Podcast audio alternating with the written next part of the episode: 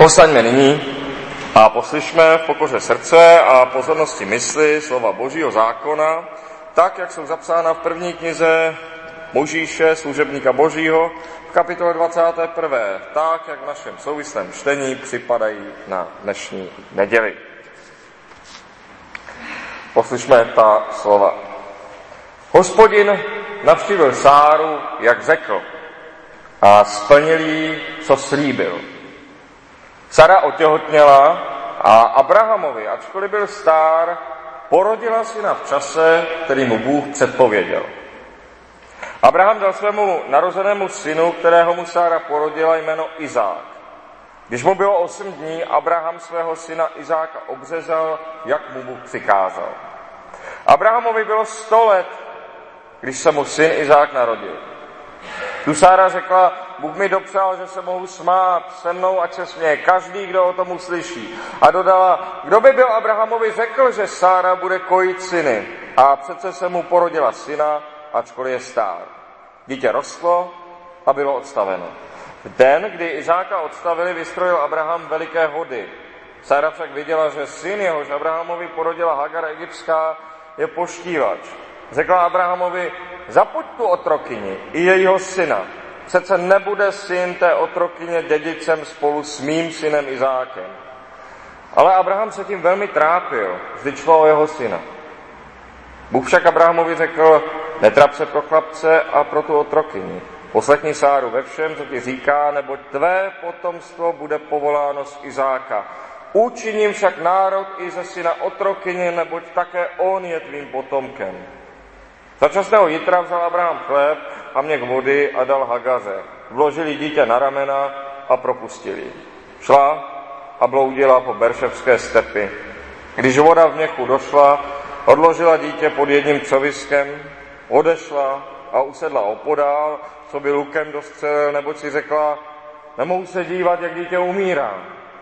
Usedla tam, zaupěla a rozplakala se. Bůh uslyšel hlas chlapce a boží posel z nebe zavolal na Hagaru. Pravili, co je ti Hagaro? Neboj se. Bůh slyšel hlas chlapce na tom místě, kde je. Vstaň, vezmi chlapce a pečuj o něj. Já z něho učiním veliký národ. Tvůj Bůh otevřel oči a ona spatřila studni s vodou. Šla, naplnila mě s vodou a dala chlapci napít. A Bůh byl s chlapcem. Když vyrostl, usadil se ve stepy a stal se lučištníkem. Usadil se v páránské stepy a jeho matka mu dala ženu z egyptské země. Amen. Tolik je slov Božího zákona. Posaďme se.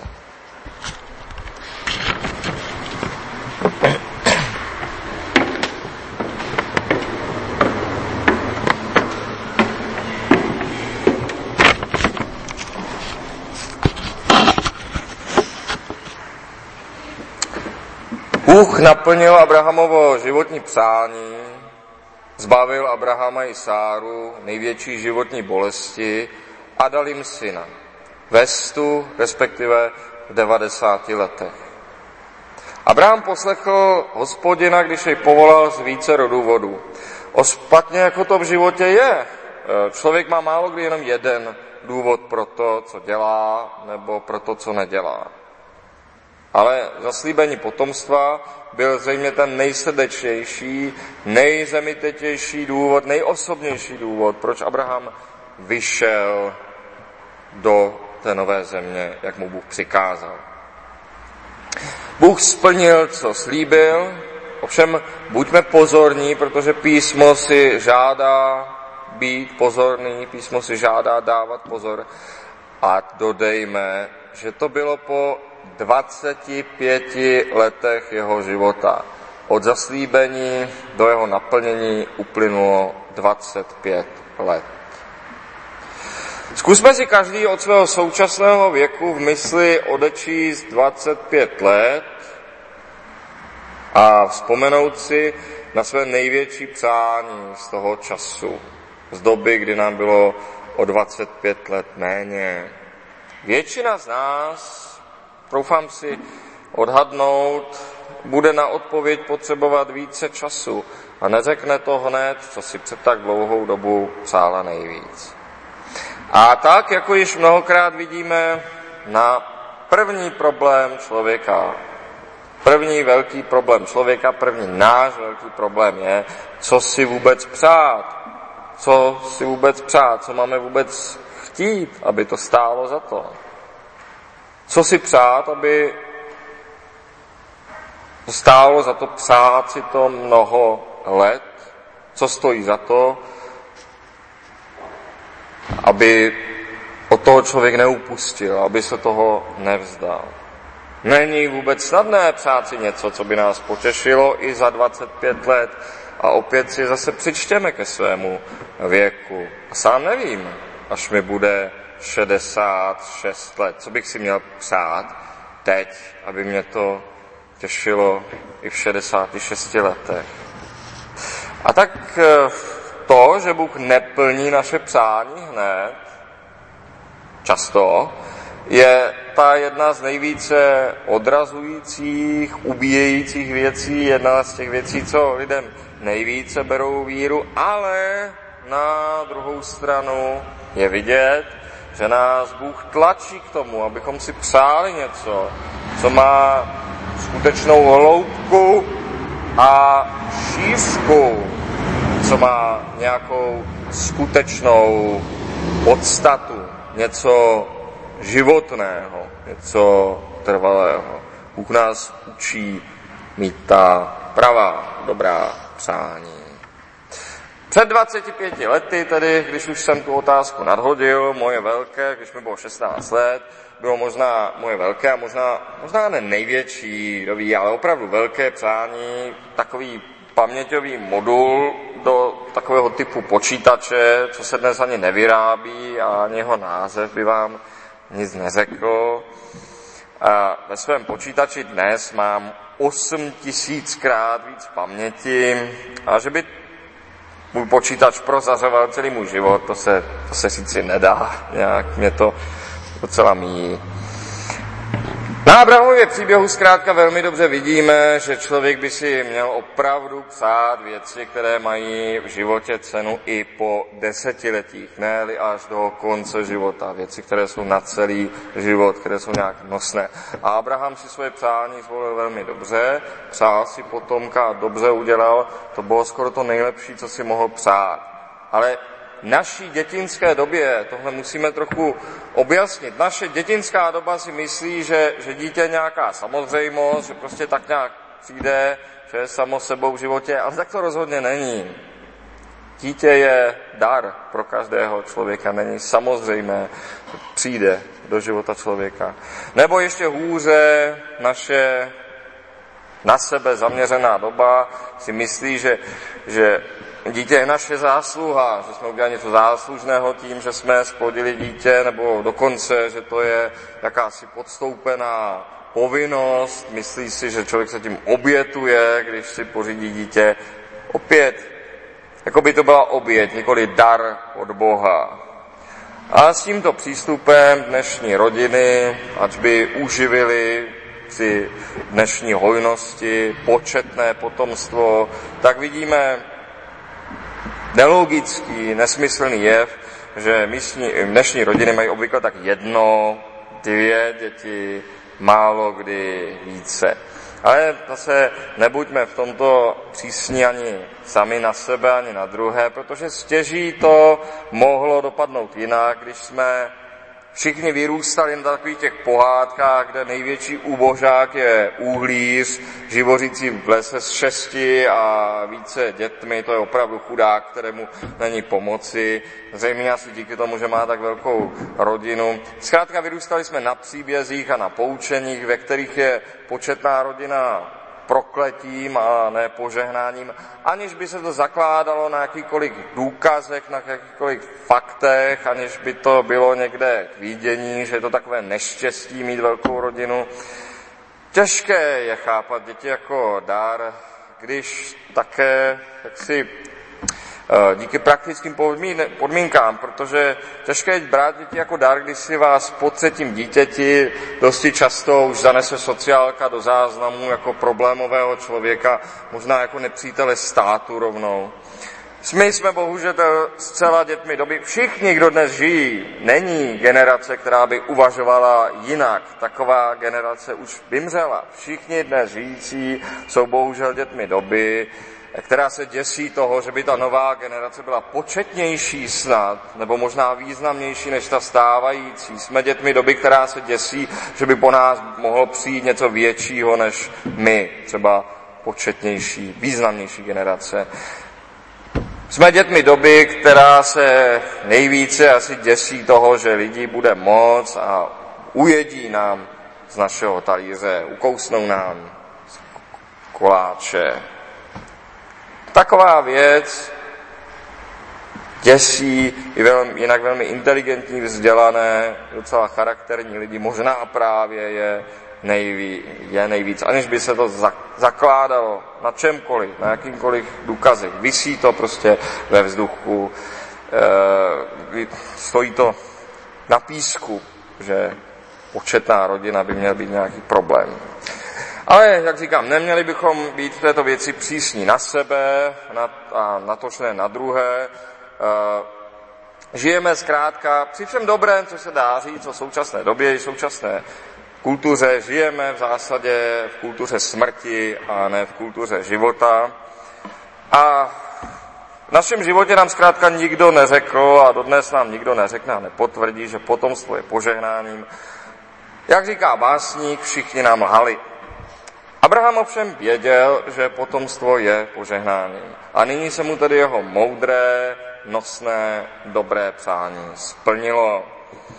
Ale čas v jeho životě přece jenom uběhl. Přece jenom 25 let uběhlo. Za tu dobu se toho stalo hodně, že pár kapitol naspátek zmizela ze světa dvě města, Sodoma a Gomora. A těch událostí bylo mnoho.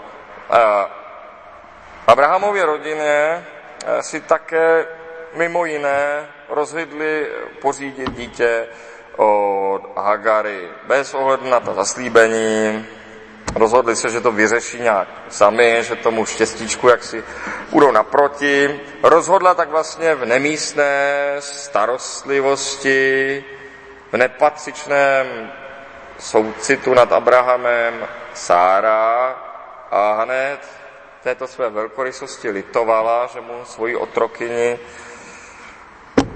dala do náruče a tak v rodině je tedy druhá žena, Hagar, a jiný syn, Izmael, a už se to vyostřilo, a pak se to jak, tak jakoby srovnalo. Hagar už bloudila po poučti jednou, pak se navrátila, jak si pokořila se pod ruku své paní, jak čteme, ale ten problém tam pořád je. Ta Hagar, její syn, je tam pořád.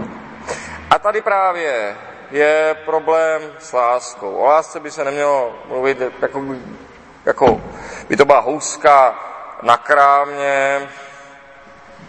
Láska je závažná věc a problém s ní je ten, že láska je výlučná. Láska vylučuje. My sami prožíváme lásku tak, že jsme pro někoho důležitější než ostatní. To je to, jak zažíváme lásku od druhých lidí, že jsme pro ně důležitější než někdo ostatní a je to poznat. Pokud chcete takzvanou bezvýlučnou lásku, lásku ke všem, tak zajděte si ještě dnes na nákup, tady do samoobsluhy a ta hned u vchodu hlásá v jasných barvách, že prodává brambory a jogurty z lásky k Česku. Dneska. O deset let dříve, nebo možná o takových 15 let dříve, to dělala z lásky k celému lidstvu. Dneska už je aspoň trošku konkrétnější, ale to je ta láska ke všem. Prodejna vás má ráda všechny stejně. Nebo stát nás miluje také všechny bez rozdílu a proto nám všem, když si požádáme, dá 500 až 3000 nějakého příspěvku, nedělá mezi námi rozdíly. Takovou anonymní, ke všem stejnou lásku, všem nemáme žádnou potřebu nějak opětovat, nemáme potřebu milovat na zpátek. Nikdo, nemáme potřebu milovat na zpátek úřad nebo samoobsluhu za jejich štědrost. Lásku skutečně zakusíte až ve chvíli, kdy vám dá někdo přednost před někým druhým, nebo alespoň před vlastními zájmy, anebo alespoň před vlastním pohodlím, když je ochoten kvůli vám mít i nějaké problémy. Pokud jde o lásku u lidí, jak, jak funguje v člověku, proběhl velmi zajímavý experiment s oxytocínem, takzvaným hormonem lásky, anebo také hormonem mateřství, hormonem rodičovství. Pokusné osoby jej vdechly inhalátorem a pak se srovnávalo jeho chování, jejich chování s tím, jak se chovali předtím, když ještě nebyli pod vlivem. A zajímavé bylo, že lidé zadaní byli pod vlivem hormonu daleko méně otevřenější vyhlídkám na jiný vztah, jak si stávali se vnitřně e, věrnějšími, oni jim tam posadili nějakého atraktivního muže nebo ženu podle toho, ale lidé pod vlivem tohoto hormonu o ně nejevili zájem, jak si neodpovídali na ty signály, protože mysleli na své manželství, mysleli na děti, mysleli na to, co bude doma, jak se ukázalo i z dotazníků. Byli také obecně směrem ke své rodině více citoví, více vřelí pod vlivem tohoto hormonu, ale spolu s tím ovšem Souběžně s tím v následném testu, kde jim ukazovali cizí lidi a také lidi jiných ráz a jiných, z jiných zemí, v testu byli daleko odmítavější k cizím lidem, zvláště k lidem, kteří jinak vypadají, zvláště k lidem jiné rasy, až nepřátelští. Jak si čím rodinnější byli lidé pod vlivem tohoto hormonu, tím byli také xenofobnější. Pokud je ocit o prožitek, eh, otevřenost k cizím a vřelost blízkým v jednu, se v jednu chvíli vylučují. Je to něco za něco. Buď cítíte toto, nebo toto. Tak je člověk prostě nastavený. Přitom otevřenost, nepředpojatost, vstřícnost, to jsou kvalitebné vlastnosti, to jsou cnosti, které si člověk má cíleně pěstovat, zvláště pokud mu scházejí, už jenom proto, že od každého člověka se můžeme dozvědět něco, co jsme nevěděli. To je, tím je přínosný každý člověk na světě. Můžeme se od něj dozvědět něco, co jsme nevěděli, podívat se na věc tak, jak by nás nenapadlo a tak dále. Konec konců ne nadarmo je každý člověk obrazem božím. Ale láska, tak otevřenost a láska je něco úplně jiného. Láska vždy znamená, že někomu dáváte přednost. Naše láska je vždycky k někomu a ne už k někomu jinému. A láska k nám je vždycky k nám víc než k někomu jinému. O lásce by se tedy nemělo mluvit s takovou lehkostí, jako se dnes mluví, neměl by, a zvláště kazatelé by neměli mít plná ústa, protože láska má tuto druhou vylučující stranu. Sára tedy nesnese Izmaela u svého dítěte, jak říká to, to dítěte otrokyně. My můžeme snadno vidět takovou měkčí verzi takového chování u mladých párů, kteří, než se jim narodí vlastní dítě, mají nejdříve psa nebo kočku a když se jim pak dítě narodí a ten čerstvý novorozenec je u nich doma, pes nebo kočka, kteří si přitom nevybrali, že budou v té rodině milováni, jsou v té rodině najednou nenáviděni a možná se do nich i trošku kopne, nebo kočka se poněkud neurvale vezme za hřbet a vyhodí někam ven. Všimnete si, že v takovém mladém páru vždycky někdo z nich vždycky počas připomene, že pes štěká ruší nemluvně a je, je špinavý najednou a, a kočka se podezřele ochomítá kolem kolébky a možná má něco za lubem, co by nemluvně ti provedla. Tedy pryč s nimi, minimálně na záhradu, ale raději úplně pryč. Takže nejdřív to byli mazlíci, no a teď jsou problém a jsou nepřítel. A takhle to to, to, to, jsem, to jsem pozoroval mnohokrát. Ty němé tváře si samozřejmě nevybrali ani jedno. Nevybrali si ani lásku toho páru, ani jejich nenávist. Přišli k tomu jako slepý gouslím. A tady máme tvrdší verzi. Abraham a Sára, než se jim narodilo dítě, si ke své hře na lásku, opravdu byla taková hra na lásku, vybrali si k tomu Hagaru, aby snad pak měli to Izmaele jako mazlíka. Jak jsem řekl, Hagary se nikdo neptal. zda chce být milována, ani zda chce být nenáviděna. Oproti Izákovi, který je skutečně darem od Boha a plodem legitimního zákona manželství, je tady nebo Hagar jenom říškou lidských rozmarů, jenom obětí lidských představ, co je pro druhé lidi dobré, aniž by se druhých lidí někdo zeptal, co by si vlastně přáli. A tak zde vidíme meze lidské přirozené lásky. Jak mnoho Sára miluje vlastní dítě, tak mnoho nenávidí dítě té druhé ženy. A připomeňme si, ma- materskost obvykle není cit, který by mířil ke všem dětem bez rozdílu. Materskost, jak si ve své obvyklé podobě míří k vlastnímu dítěti. A jak si uh, druhé děti spíše, spíše vadí. Samozřejmě může být pozdvehnutá na znešenější, ušlechtilější rovinu, ale obvykle vypadá takto. A ovšem také, abychom jaksi eh, se zde neopírali jenom do Sáry, podívejme se na Abrahama. V jeho pošetilé představě on lituje tedy, že kež by tam ten Izmael mohl zůstat, i ta Hagar. Vidíme Abrahama v jeho pošetilé představě, že by to mohlo být pěkné, aby s ním jeho zákona manželka, jeho milenka, žili pod jednou střechou a to i se svými dětmi a ty ženy by se nějak skamarádily a ty děti dějí taky. Co to je za mělké uvažování? Co to je za mělkou lásku? Jaká to je láska, která nedbá o čest a důstojnost druhých, která je zvláště u žen něčím opravdu podstatným? Jak si to Abraham představuje, že tam budou žít společně?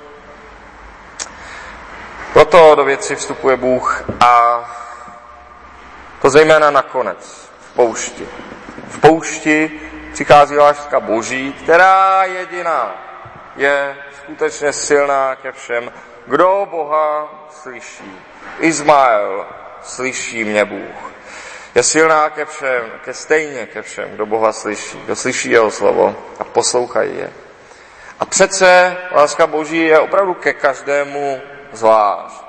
Takže před tváří Boží si každý právem připadá důležitější než všichni ostatní. Ke každému je láska Boží osobní. Bůh se osobně ujímá zapuzené Hagar. Hagar říká, Bůh mě vidí, Bůh mě vidí, sledoval mě celou dobu. Bůh mě vidí. Pamatujme, že takové lásky nejsme my sami schopni přirozeně. Ta nevychází z nás, ta nepochází od nás. Takové lásky se učíme od Boha. Taká láska přichází z vnějšku, učíme se ji od Boha skrze svědectví písma, skrze výchovu Ducha Svatého. Vyzývá nás pak Kristus k lásce k nepřátelům, jak jsme slyšeli. Nemysleme hned na někoho za hranicemi, za někoho úplně cizího, na někoho na druhém konci světa. To je, to si příliš foukáme. Myslíme skromněji. Spíše na někoho, koho vydáme denně, když bychom byli raději, aby nám na oči nepřišel. Myslíme tedy na to, abychom skutečně přáli dobré, zejména dobré skončení, dobré konce i našim nepřátelům. A myslíme na to, že to se nedělá tak, že v sobě prostě přepneme nějaký přepínač a budeme hned láskou ke všem zářit do všech stran jako žárovka. Ne, to musím, tomu se musíme učit trpělivě a po malých krocích učit od Boha, který stále vidí i ty, které bychom raději neviděli, který mluví i k srdci těch, se kterými bychom raději nemluvili. Amen.